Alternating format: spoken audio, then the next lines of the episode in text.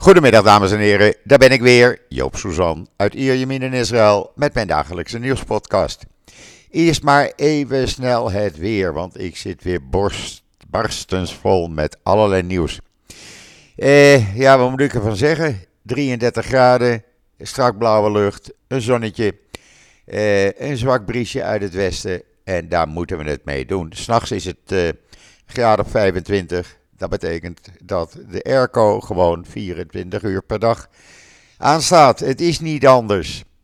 Eh, want als je de ramen open doet, dan komt er alleen maar warme lucht naar binnen. En daar schieten we ook weinig mee op natuurlijk. En dan, eh, wat heeft Israelnieuws.nl te bieden? Nou, eerst maar even die nieuwe kolom van mijn broer Simon.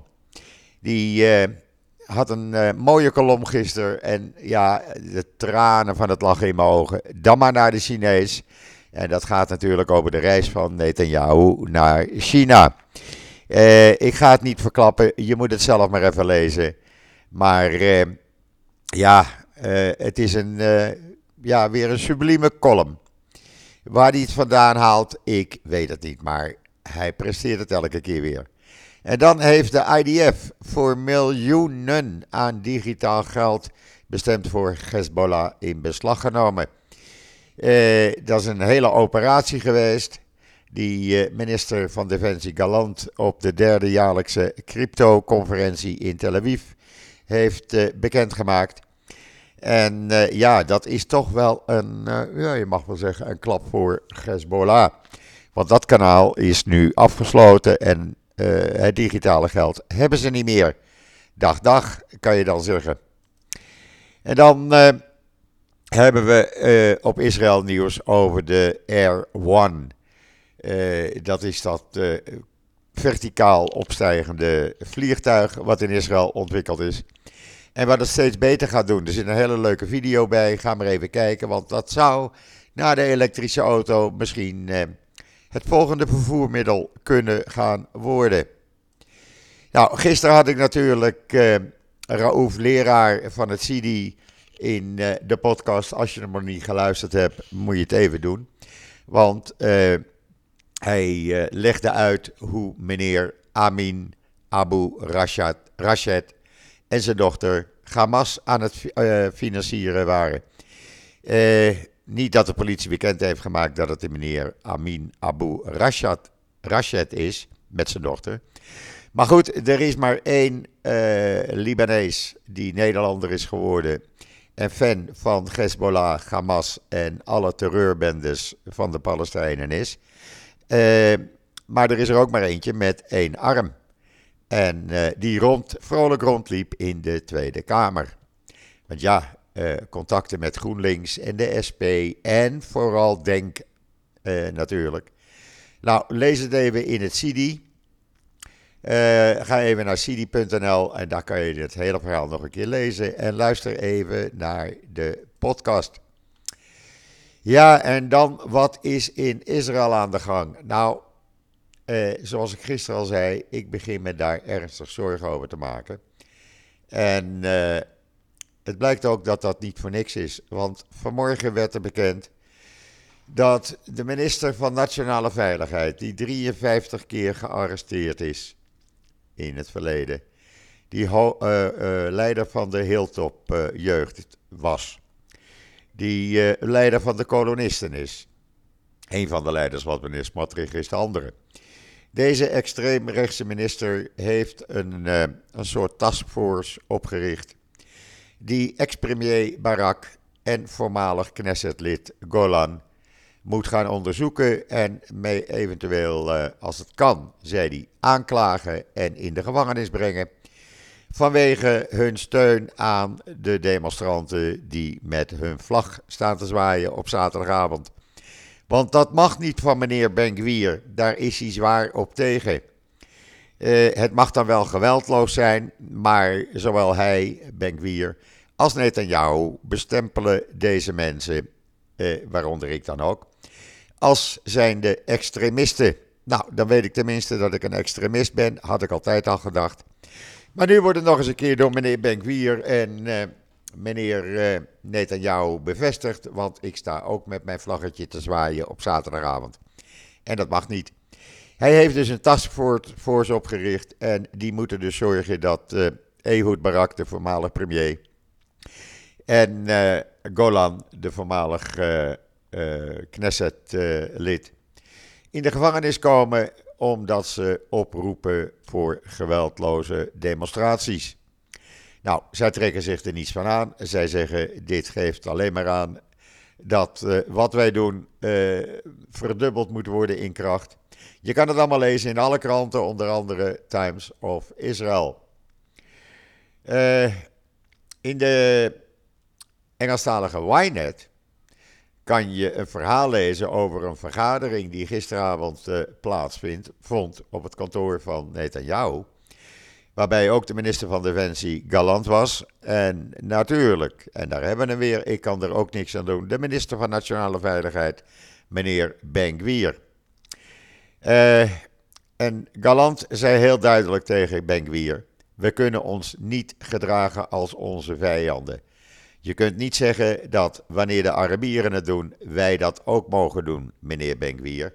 Nou, dat pikte meneer Ben-Gvir weer niet, die ging daar vol tegenin. Want uh, die zegt, uh, luister, deze kolonisten, het zijn aardige, lieve, zachtmoedige jongens. En die doen geen mens kwaad. Nou, Netanyahu begint het inmiddels ook te dagen. Want uh, die zei heel duidelijk: uh, we verliezen onze legitimiteit in de internationale gemeenschap. En we kunnen dit niet langer toestaan. We moeten er tegen optreden. Maar ja, dat kan Netanyahu dan wel zeggen, maar er wordt niet tegen opgetreden. En dat is, uh, mag je verontrustend noemen. Uh, ben Gwier ging ook fel tekeer op Galant en de president Herzog. Want die uh, Galant had contact met zijn, laten we zeggen, Palestijnse collega. Om te proberen de rust te doen weerkeren. En Herzog heeft gisteren gebeld met Abbas. en hem op het hart gedrukt van: joh, doe er nou wat aan. Zorg dat de rust weerkeert. Want dit gaat exploderen. Dit gaat ook exploderen. Het kan niet zo zijn dat uh, de IDF, eh, of Israël laat ik het zo zeggen, het geweld van de Palestijnen zomaar over hun kant laat gaan. we hebben dat in Jenin gezien, Nablus. We hebben verleden week vier Israëli's zijn vermoord. Even een slokje water. Dat kan gewoon niet doorgaan. Dus ze zal, zoals ik gisteren ook al bij Family 7 in uitgelicht zei, er zal een actie komen. Maar ja, die actie zal weer reactie uitlokken. En de kolonisten blijven ook niet stilzitten. Die gaan ook door met, ik noem het inmiddels, wraakacties. En uh, ja, dan hadden we mevrouw Stok nog eens een keer. Uh, van de partij van uh, meneer Smotrich, die afgelopen maandag had gezegd dat de hoofden van de IDF, Binnenlandse Veiligheidsdienst en politie, die zijn te vergelijken met de Wagnergroep. En die heeft ze niet ingetrokken, die uitlating. Uh, dus dat borrelt in de regering. Hoe dit gaat ontwikkelen, ik weet het niet. Inmiddels gaat het geweld bij de Arabieren ook door, want er zijn afgelopen nacht in drie verschillende plaatsen in Noord-Israël zijn er uh, uh, een tiener en twee mannen doodgeschoten in drie afzonderlijke criminele incidenten. Dat zijn fetes tussen families of in de onderwereld.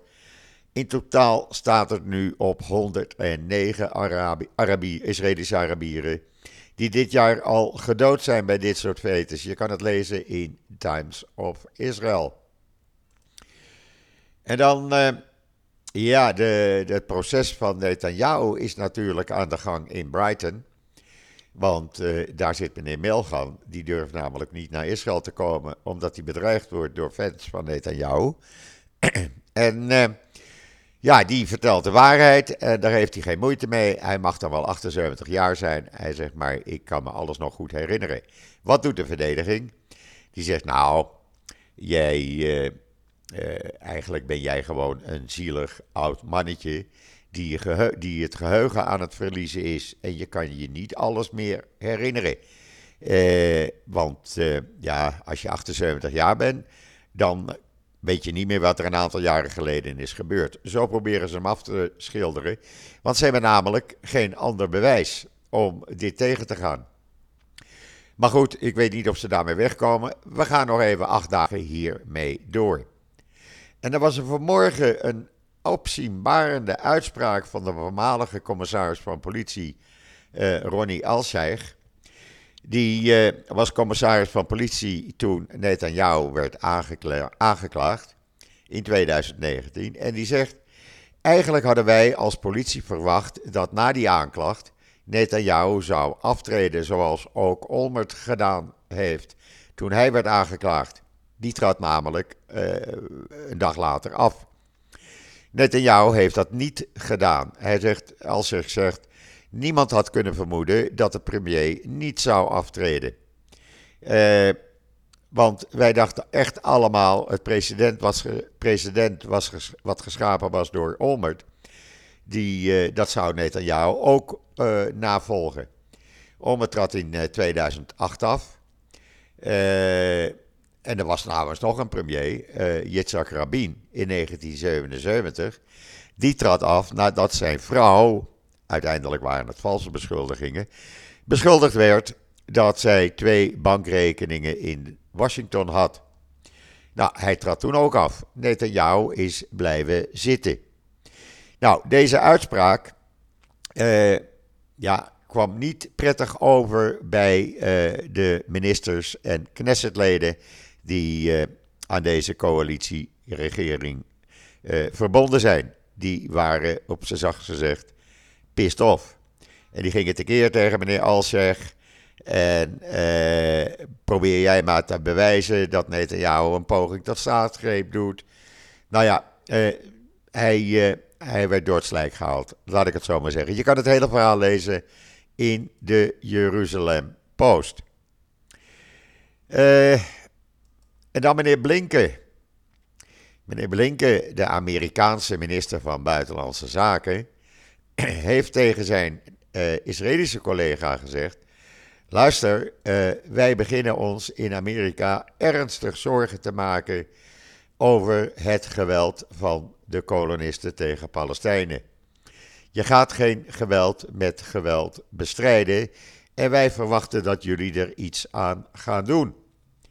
Uh, want het kan toch niet zo zijn dat jullie als regering, zei Blinken, het recht wat Israëlische burgers in handen nemen, niet veroordelen. Doe daar wat aan. Ja, het gaat niet lekker tussen Israël en Amerika. Want ja, het is toch heel duidelijk. Hij gaat nu naar de Chinees uh, Netanyahu. Dat komt al niet prettig over. Hij wordt nog steeds niet uitgenodigd in Washington. Normaal was het gebruik dat een nieuwe Israëlische premier binnen of na een maand na in functietreding wordt uitgenodigd in het Witte Huis. Netanyahu is het nu zes maanden en een uitnodiging zit er vooralsnog niet in. Ondertussen is dat ook een probleem voor alle ministers. Want Netanyahu heeft ministers verboden naar collega's in Amerika te gaan, zolang hij niet is uitgenodigd in het Witte Huis. Nou, ga daar maar aan staan dan. En dan heeft uh, een uh, hoge official van uh, de Palestijnse autoriteit gezegd: Iran ligt al op de westelijke Jordaanoever. De islamitische jihad gebruikt Iraans geld om wapens te kopen, mensen om te kopen. De organisatie betaalt hoge salarissen aan haar leden van de islamitische jihad en aan Hamas. Dan hebben we het nog niet over Hezbollah, dat is een uh, ander verhaal. Uh, en uh, ja, wij weten niet wat we eraan moeten doen. We hebben wel met allerlei organisaties gesproken hoe dit te stoppen. Maar wij denken dat we daar weinig nog aan kunnen doen. Nou, dat is dan een niet zo prettige boodschap, want het betekent dat het front van Israël heel duidelijk het noorden wordt waar Hezbollah zit, het oosten wordt waar Iran, Hamas en Islamic Jihad uh, steunt, en het zuiden waar in Gaza Hamas en Islamic Jihad zitten allemaal gefinancierd door Iran. Hoe je dit moet oplossen, ik zou het niet weten. Uh, recentelijk zijn uh, al die leiders van die terreurgroepen bij meneer uh, Khamenei in Iran geweest. Daar hebben ze natuurlijk weer nieuwe opdrachten gekregen. het gaat escaleren, mensen. Het gaat echt helemaal fout. En dan krijg je nog dat uh, Netanyahu staat te trappelen om een aanval op Iran aan te gaan uitvoeren of te laten uitvoeren. Als dat gaat gebeuren, ja, dan uh, heb je helemaal de poppen aan het dansen. Dan, ja, dan breekt de, nou ja, je weet wel wat ik wil zeggen, dat breekt dus uit. Goed, inmiddels is er een illegale nederzetting. Met stilzwijgende goedkeuring van deze regering. Die is weer bewoond geworden door een uh, groot aantal kolonisten. Die dan op zaterdag met machinegeweren naar Palestijnen gaan schieten. de regering vindt het prima. Want als Netanyahu hier iets tegen zou doen of iets over zou zeggen, dan zouden meneer Barak, meneer Benkwier en meneer Smotrich zeggen: hou jij je mond even, anders trekken wij ons terug uit jouw regering en dan ben je geen premier meer. Zo staat Netanyahu onder druk. Je kan dat lezen in de Times of Israel. En dan hebben we ook nog de demonstraties. Inmiddels, zoals ik al zei, we worden, uh, de demonstranten worden als uh, extremisten beschouwd. Nou, die zeggen: oké, wij zijn extremistisch. Uh, jullie gaan uh, koet door met die hervormingen, die juridische hervormingen, die de, de, het hele land doen afglijden. Wij gaan uh, naar zwaardere demonstraties. Te beginnen komende maandag. Dan gaan wij het vliegveld blokkeren, Ben Gurion Airport. Er kan geen mens meer in, geen mens meer uit. Nou, de minister van Toerisme is natuurlijk heel boos. Die heeft al gezegd, Netanyahu, doe er wat aan. Ja, het draait allemaal om Netanyahu. Uh, ben Gwier heeft gezegd, als jullie dat gaan doen, ik ben minister van Nationale Veiligheid, ik pak jullie allemaal op. Uh, dan hebben we uh, uh, de demonstranten zelf, de organisatie, die zegt, luister, jullie gaan er fel tegenin, wij gaan er nog feller tegenin. En hoe fel, dat hebben we gisteren kunnen zien. Want hoe ze het doen, doen ze het, de demonstraties, of de demonstranten. Maar gistermorgen deden ze een oproep uh, aan demonstranten van kom naar het huis van uh, Levin, de minister van Justitie in Modein. En binnen een mum van tijd waren daar honderden demonstranten. Uh, Benkwier pikte dat niet. En die heeft zes demonstranten op, laten pakken door de politie. Want die moeten hard tegenin gaan. Die zijn de hele dag hebben ze vastgezeten. Die zijn nu onder huisarrest naar huis gestuurd. Mogen zich tien dagen lang nergens vertonen waar demonstraties zijn.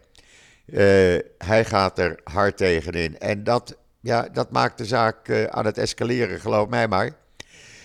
Want zeggen de leiders van de demonstranten: in een democratie mag je demonstreren. En het moet niet zo zijn dat demonstranten als extremist worden beschouwd en demonstranten worden opgepakt. Nu heb je natuurlijk dat uh, de scholen gaan vanaf komende vrijdag voor twee maanden op slot. Dan begint de schoolvakantie. Dan gaan gezinnen op zomervakantie. Ja, dat wordt maandag natuurlijk enorme chaos op het vliegveld. Maar hebben de leiders gezegd, het blijft niet bij het vliegveld. Wij gaan overal demonstreren waar uh, uh, leiders uh, of waar de regering is. Wij gaan demonstreren bij de Knesset. omdat die volgende week dus die juridische hervormingen gaan doorzetten. Wij gaan er ook hard tegenin, nu we toch als extremisten worden beschouwd.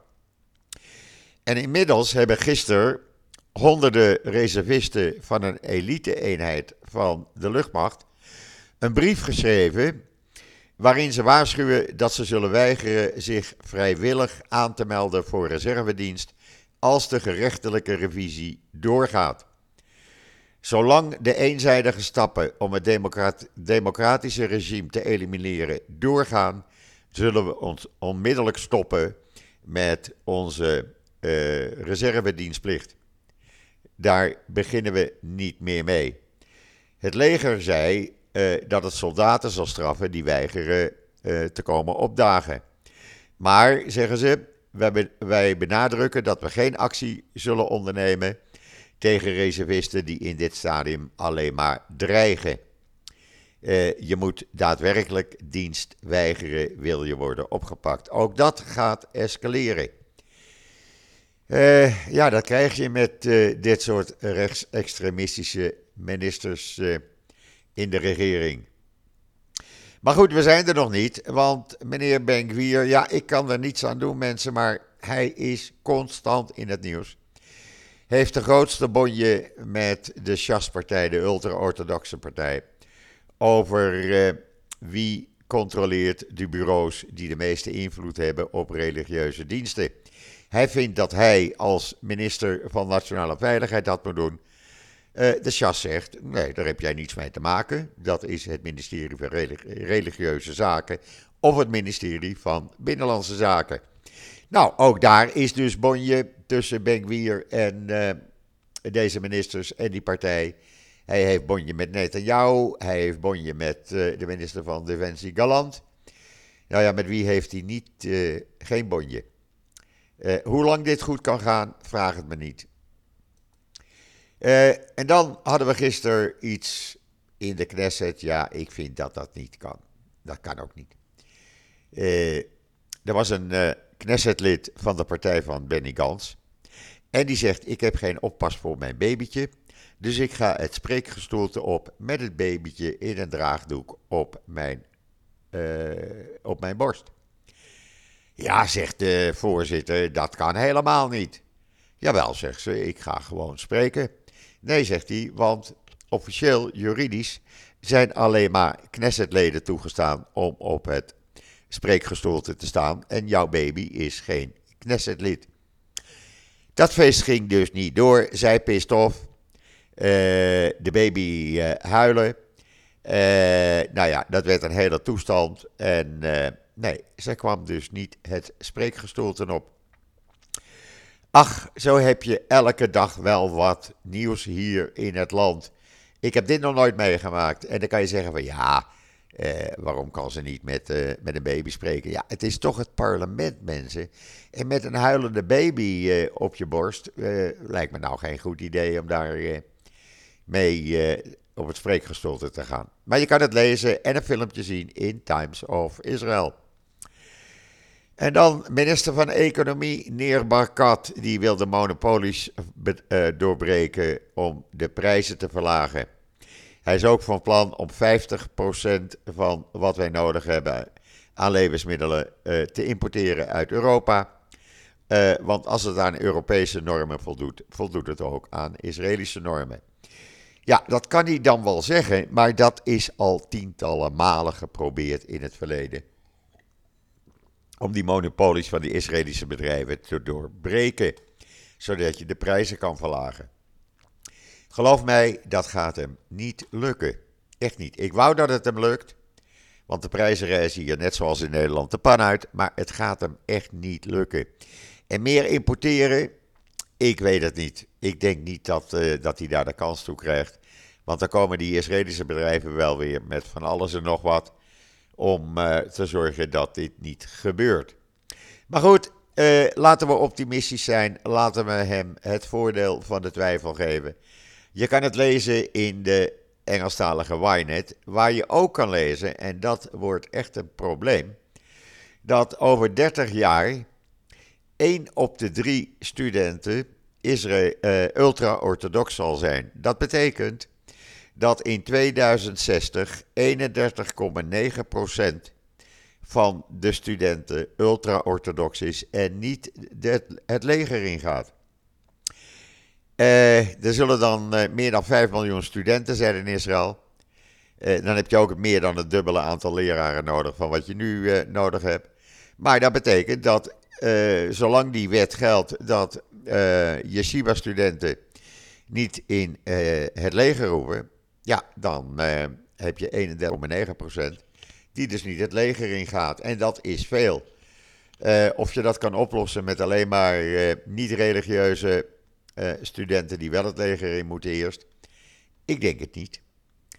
En dan een mooi artikel in Times of Israel. Iets wat ik niet wist.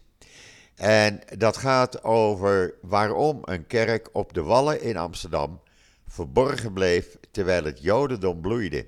En dat gaat om de kerk Onze Lieve Heer op Zolder. Die uh, ondergronds uh, werd gedwongen te gaan tijdens de Gouden Eeuw. Uh, juist die tijd waarin Nederlandse Joden grote synagoges bouwden, zoals de Portugese synagoge bijvoorbeeld. een heel interessant artikel. Die kerk Onze Lieve Heer op Zolder is geopend in 1888.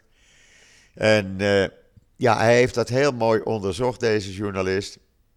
En uh, ja, je moet het maar even lezen. Ik vond het in ieder geval een mooi verhaal, wat ik niet wist dat het bestond.